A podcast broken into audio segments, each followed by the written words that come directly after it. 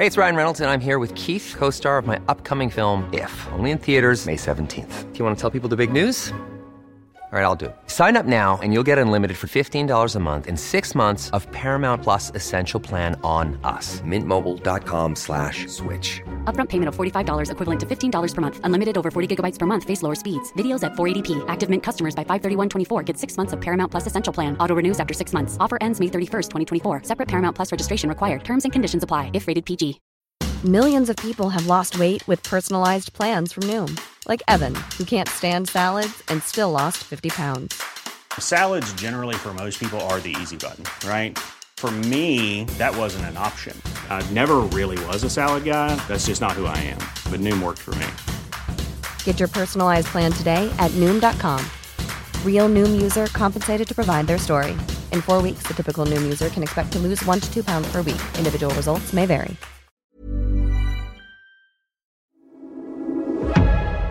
Du lyssnar på GVS ljudböcker.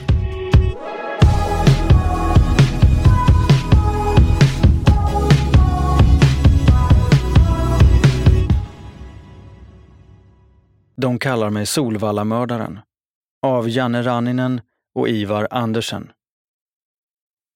Tysken som hade guldsmedsaffären i centrum förstod att jag hade bevittnat stölden och drog med mig in i butiken. Polisen var där på två röda. Min mamma blev nästan ihjälslagen för att de sölade. Men när en guldkedja blivit stulen var de där direkt. Han har sett allting och vet vem killen är, försökte tysken. Jag blånekade. Till slut lät polisen mig gå, med en uppmaning om att kontakta dem om jag hade information om tjuven. På vår gård låg en kebabrestaurang, där Leo och ett gäng äldre killar brukade hänga. Hej, snorunge, kom hit! Vadå snorunge? skrek jag tillbaka. Lugn, sa Leo. Jag såg att snutarna frågade det en massa. Han visade belåtet upp guldkedjan som fram till för en timme sedan hade hängt i guldsmedsaffären. Och, sa jag. Vadå och? sa Leo och spände ögonen i mig. Vad frågade de och vad sa du? De hade ditt signalement. Jag sa att jag inte visste vem du var och att jag tror att du är någon som inte bor här. Och ägaren sa att du hade snott en klocka också. Va? Ja, han sa så till polisen. Den äckliga jäveln, skrek Leo. Jag har fan inte tagit någon klocka. Han vill bara ha mer pengar på försäkringen. Men bra att du höll käften. Kom ihåg att snutar är grisar och grisar pratar vi inte med. De äldre killarna garvade och gav mig ryggdunkar. Hej! ropade Leo till restaurangägaren. Gör en stor kebab och pommes till den här killen. Jag bjuder.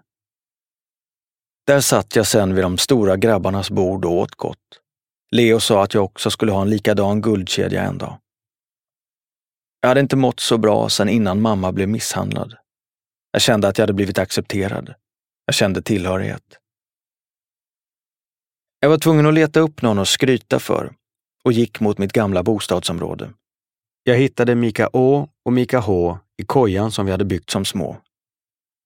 Ni kommer aldrig att tro vad jag har varit med om idag, sa jag. Vad? svarade bägge två. Rösterna lät sluddriga.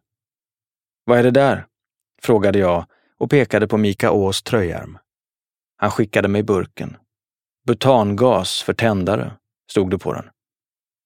Vad fan är det här? Vad håller ni på med? Tryck in den i käften mellan tänderna. Sen andas du in djupt, sa Mika Å. Va? Verkligen inte. Jag tänker fan inte boffa gas. Vad är det med er? Pröva nu. Jag tog plastmunstycket mellan tänderna och tryckte. Kinderna blåstes upp som ballonger. Jag hade glömt att andas in samtidigt. Ta ett djupt andetag nu, sa Mika Å. Hostan kom omedelbart. Kräkreflexerna också. Jag tog fler och djupare andetag. Hur känns det? Hörde jag Mika Å fråga med en röst som lät avlägsen. Allting gick plötsligt i slow motion. Jag la mig på rygg och hela världen snurrade. Skogens ljud och kompisarnas skratt ekade i mitt huvud. Molnen gick inte längre tvärs över himlen. utan snurrade runt okontrollerat. Till och med solen tycktes skina klarare. Ska du ha mer? frågade Mika H. Hit med burken, svarade jag. Jag låg kvar på rygg och tänkte på allt som hade hänt under dagen. Jag hade varit med om något spännande. Jag hade fått de äldre grabbarnas godkännande och nu låg jag här med mina bästa vänner. Jag kände mig som den lyckligaste människan på jorden. Butangassniffandet spred sig som en löpeld genom vår förort. Alla i min bekantskapskrets mellan 12 och 16 år boffade. På rasterna mellan lektionerna skickades burken runt mellan de som ville fly vardagen. De värsta av oss hade burkar i tröjärmarna även på lektionerna. Vi turades om att föra oväsen så att kompisen på andra sidan klassrummet kunde dra i sig gas. Vi köpte och snodde så många butangasburkar att kommunen och polisen till slut gav affärerna riktlinjer om att hålla burkarna inlåsta och inte sälja till någon under 18 år. Boffandet avtog något. Vår strävan att döda tristessen gjorde det inte. Vi köpte hembränt för 100 kronor liten och bröt oss in i första bästa källarport. Miljonprogrammet hade en underjordisk värld och höghusens källare var våra fritidsgårdar. Vi bröt oss in för att värma oss, för att röka, för att dricka och ibland för att pussas lite med någon tjej. Faktum är att vi spenderade större delen av vår lediga tid i olika källare. Den riktiga fritidsgården hade stängt för länge sedan. Det här luktar fett äckligt, sa jag när jag öppnade en av flaskorna. Vi hade fulla spritflaskor och petflaskor med Coca-Cola, men ingenting att blanda i. Vi dricker en klunk hembränt och sköljer ner med cola. När vi har druckit halva flaskan så kan vi hälla ner kolan där, föreslog Mika H. Jag kände spriten bränna längs strupen. Höll på att spy innan jag hann skölja bort smaken med kola. Fy fan, sa jag. Mika Å klunkade ur flaskan som om det hade varit vatten. Snart är vi dyngraka, skrattade han. Vi skickade flaskan mellan oss och han inte ens dricka hälften innan vi alla var fulla. Jag mådde bra igen. Samma känsla som efter gasboffandet. Fanns inga problem längre. Världen och jag snurrade i takt och det var perfekt. Gårdagen existerade inte. Morgondagen fanns inte. Bara nuet. Vi somnade i källaren och vaknade inte förrän nästa dag. Fan grabbar, vakna! Vi måste gå hem!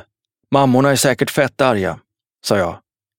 Vi behövde inte oroa oss för papporna eftersom vi alla kom från hem med ensamstående mammor. Född 1977? Kan inte stämma, sa operatören på 90 000 till min storebror Kalle. Jo då, det stämmer, svarade Kalle. Hans kompis hade hittat mig liggande på marken nära pendeltågstationen. Jag var medvetslös och stank sprit. Troligtvis alkoholförgiftning, sa Kalle till operatören. Jag vaknade nästa dag på Huddinge sjukhus. Jag hade dropp i armen och en slang i näsan. Hela rummet snurrade, fast inte på ett behagligt sätt den här gången. Tjena lillebror, är du bakis? skrattade Kalle. Mamma började gråta. Tack gode gud att du vaknade. Jag har varit så orolig för dig. Sen började hon skälla. Förstår du inte att du inte får dricka ungjävel? Du är bara 13 år. Förstår du inte hur orolig jag var? Förlåt, sa jag och var verkligen ledsen. Jag ska inte dricka mer. Jag höll det löftet i ungefär sex månader. Jag vägrar att ha den där eleven i min klass något mer, sa min klassföreståndare och pekade på mig. Vi befann oss på rektorns kontor. Min klassföreståndare, min mamma, rektorn och jag. Jag hade hamnat i bråk igen. Jag gick i sjätte klass och det hade hunnit bli ganska många slagsmål. De vuxna förhandlade utan att rådgöra med mig och kom fram till att jag skulle vara ledig några veckor. Under tiden skulle kommunen hitta en ny skola åt mig. En skola som jag skulle kunna anpassa mig bättre i. Mamma var som vanligt besviken. Hon var trött på samtalen med skolledningen och trött på mitt bråkande. Jag var också trött på det. Att vinna ett slagsmål gav ingen glädje. Det var bara en ventil. Så vad ska vi göra nu? frågade mamma. Spelar ingen roll. Vi väntar väl på att jag får börja i någon ny skola, svarade jag. Och sen fortsätter samma gamla vanliga, eller? Det märker vi väl då. Den nya skolan låg i Dalarö. Precis som Jordbro ligger Dalarö i Haninge kommun. Men att komma dit var som att resa till en helt annan värld. Jordbro var höghus, centrum och sociala problem. Dalarö var skärgård, hamn och harmoni. Allting var idylliskt. Som en scen tagen ur Vi på Saltkråkan. Jag hade tröttnat på att gå hemma och var entusiastisk. Första dagen i nya skolan klädde jag mig i det bästa jag hade. Hängselbyxor. De häftigaste jeans du kunde ha på den tiden.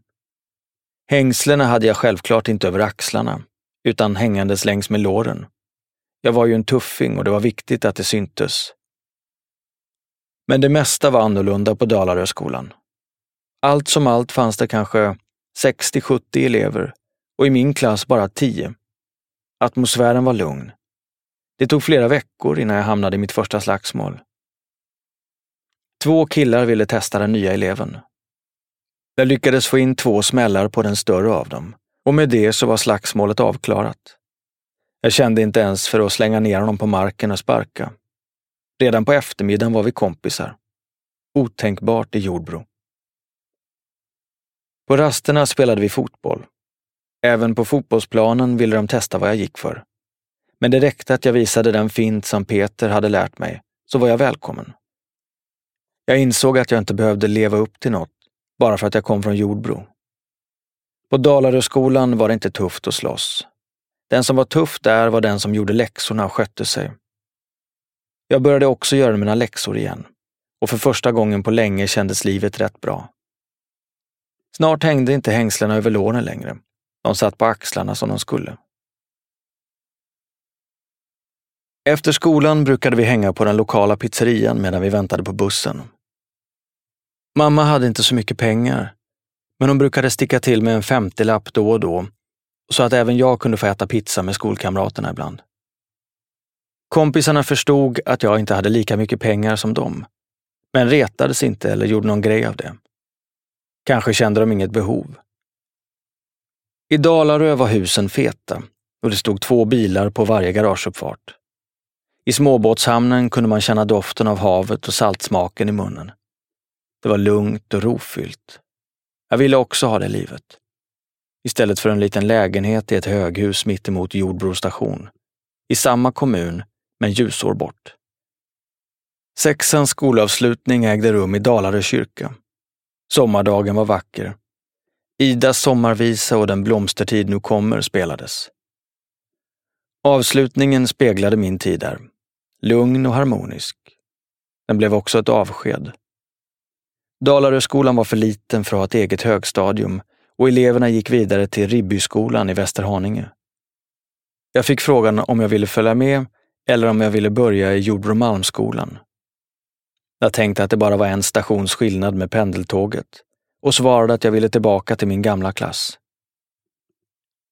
Jordbromalmsskolan låg i anknytning till Jordbro centrum. Jag kände de flesta i min årskurs och trivdes med att vara tillbaka bland vänner. Men med gamla vänner kom gamla vanor. Vi skolkade, slogs, snattade och rökte cigaretter utanför skolan. Det var helt enkelt så man gjorde i Jordbro. En del av mig ville sköta skolan och plugga. Särskilt matematik som jag alltid hade haft lätt för. Men kompisarna lockade mer.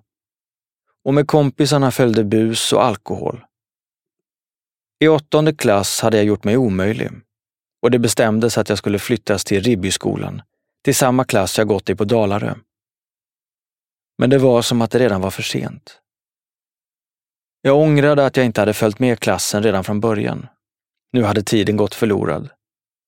Motivationen var borta och ersatt av frustration. I Ribbyskolan kunde man hitta mig överallt, utom i klassrummet.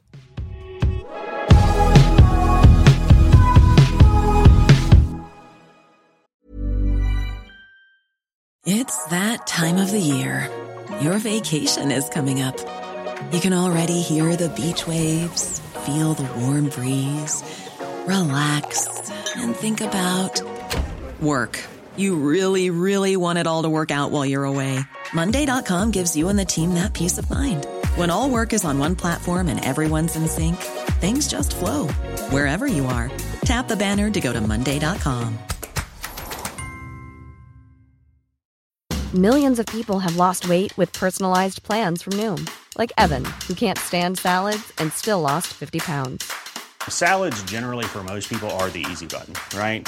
For me, that wasn't an option. I never really was a salad guy. That's just not who I am. But Noom worked for me. Get your personalized plan today at Noom.com. Real Noom user compensated to provide their story. In four weeks, the typical Noom user can expect to lose one to two pounds per week. Individual results may vary.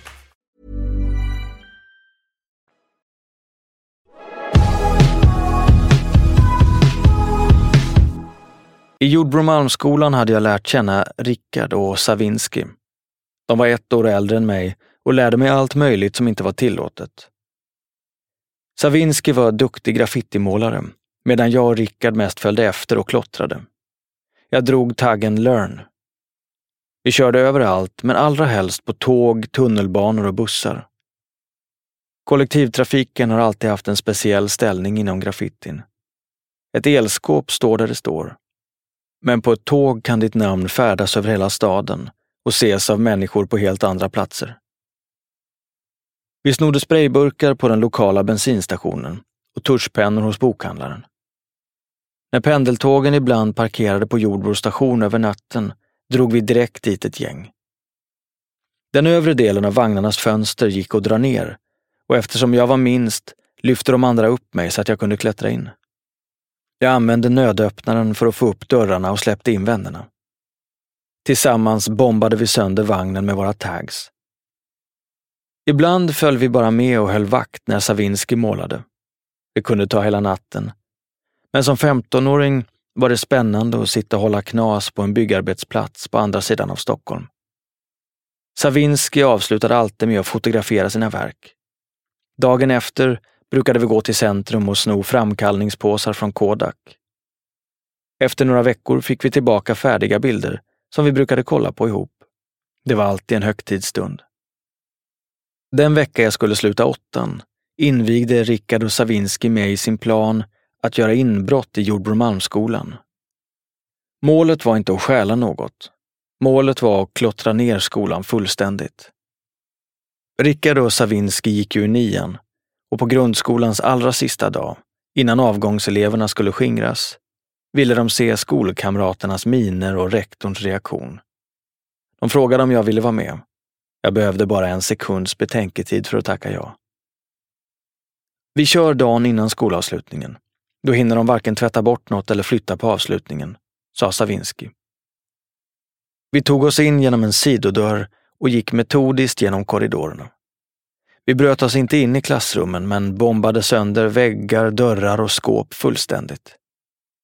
Det fanns knappt några lediga ytor att klottra ner när Savinski fick en idé. Ska vi bryta oss in i rektorns rum? Vi sparkade in dörren och skred till verket. Vi hade alla suttit i det där rummet otaliga gånger och lyssnat till rektorns snack och alla tillrättavisningar. Savinski slog sig ner i rektorns stol och höll en förmanande utläggning om det olämpliga i det vi höll på med. Det är väldigt olämpligt att klottra sönder skolan på det här viset. Vi skrattade så vi grät. Det hade gått kanske 15 minuter när vi hörde ljudet från walkie-talkien. De burkiga rösterna när snutarna snackade med varandra och spraket mellan replikväxlingarna gick inte att ta miste på. Det var knas. Sakta smög vi oss tillbaka genom korridorerna mot sidoentrén vi brutit oss in genom. Polisernas röster kom närmare. Troligtvis hade rektorns rum varit larmat. Vi kikade runt hörnet mot sidoentrén. Snutar överallt.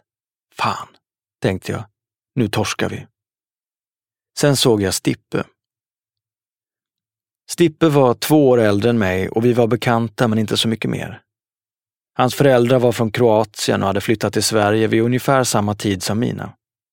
Han var en hasslare med gott hjärta, blåste aldrig någon, men gjorde alltid pengar och var respekterad av alla. Egentligen borde jag inte ha blivit förvånad. För när någonting hände i vår förort så var Stippe alltid där. Men det tog mig ett ögonblick att koppla vad han höll på med.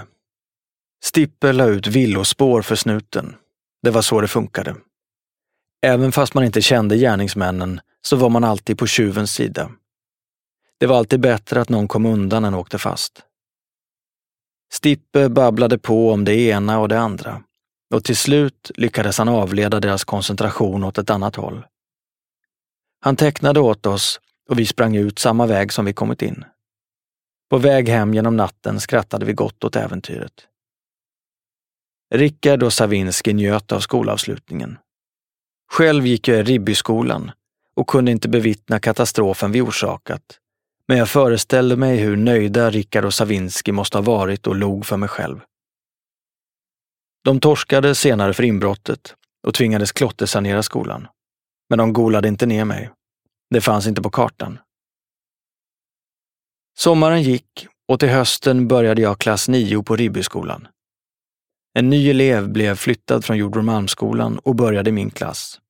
Han hette Volkan. Volkan bodde i huset bredvid mitt och var tuffare än mig. Han var en slagskämpe och hade en kriminell pappa vars rykte gav även honom status. Volkan gav sig också in i kriminaliteten tidigt och hängde med de äldre grabbarna. Vi hade inte umgåtts innan han började min klass, men märkte snart att vi hade en del gemensamt. Vi hade vuxit upp med frånvarande fäder som andra generationens invandrare i samma område. En vänskap som skulle få stora konsekvenser för oss bägge började växa fram. Jag fick någonting som kallades anpassad skolgång. Det innebar att jag gick i skolan en eller två dagar i veckan. Resten av tiden arbetade jag på en pizzeria i Jordbro. På så vis lyckades jag till slut få ett avgångsbetyg från högstadiet. Visserligen inget bra betyg, men skolan och kommunen kunde två sina händer och sätta ännu ett kryss i kolumnen över elever som gått ut grundskolan. Arrangemanget passade mig utmärkt. Lönen var skit och betalades svart, men jobbet var kul och jag slapp be mamma om fickpengar. Hon hade det tillräckligt tufft ändå. Jag stekte hamburgare och lövbiffar, fixade pommes och blandade sallader. Och jag lärde mig hur man organiserar svart hemkörning. Jag hade en midjeväska med två fack.